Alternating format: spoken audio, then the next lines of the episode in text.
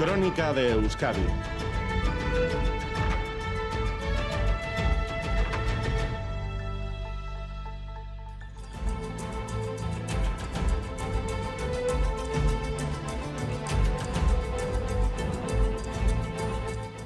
La policía foral continúa investigando las circunstancias del asesinato de un hombre de 40 años esta mañana en las inmediaciones del Hotel Villaba, en el polígono Landazábal. La víctima presentaba heridas por arma blanca y por ahora se desconoce su identidad. El alcalde de la localidad, Miquel Oteiza, confirma que el agresor sigue huido.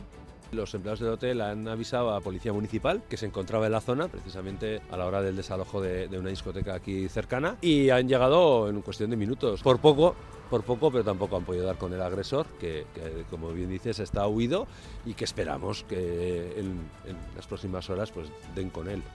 La subida de las pensiones mínimas hasta los 1.080 euros es una petición que ha quedado desfasada. El movimiento de pensionistas de Euskal Herria cumple mañana su quinto aniversario. Seguirán luchando firmemente con la misma fuerza por unas pensiones dignas. John Fano, portavoz esa pensión mínima es ya muy insuficiente. Si actualizáramos desde hace cinco años esa cantidad de 1.080 euros con eh, la subida de la, de la inflación o del IPC, se situaría en 1.230 euros y se lo venimos contando, nos espera una semana invernal con bajada de temperaturas, de temperaturas, lluvia e incluso nieve. A las 12 de esta noche se activa el aviso amarillo por vientos y oleaje. Se esperan rachas de 100 kilómetros hora. Las olas podrían alcanzar los 5 metros y a las 3 de la mañana se suma otro aviso amarillo en Guipúzcoa y Vizcaya por lluvias persistentes que se alarga hasta el miércoles. Podrían acumularse 60 litros por metro cuadrado en 24 horas. Vamos con la previsión para las próximas horas.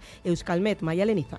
Todavía se darán algunos chubascos ocasionales, sobre todo en la vertiente cantábrica, pero con el paso de las horas remitirán, aunque el viento del oeste y del noroeste seguirá soplando con cierta fuerza. Las temperaturas seguirán bajando y las mínimas se darán al final del día. Mañana la lluvia será la protagonista serán abundantes, sobre todo en la vertiente cantábrica, donde la lluvia será persistente, especialmente cerca de la costa y en el oeste. El viento del oeste soplará con fuerza y el ambiente será frío, con máximas en torno a los 8-12 grados.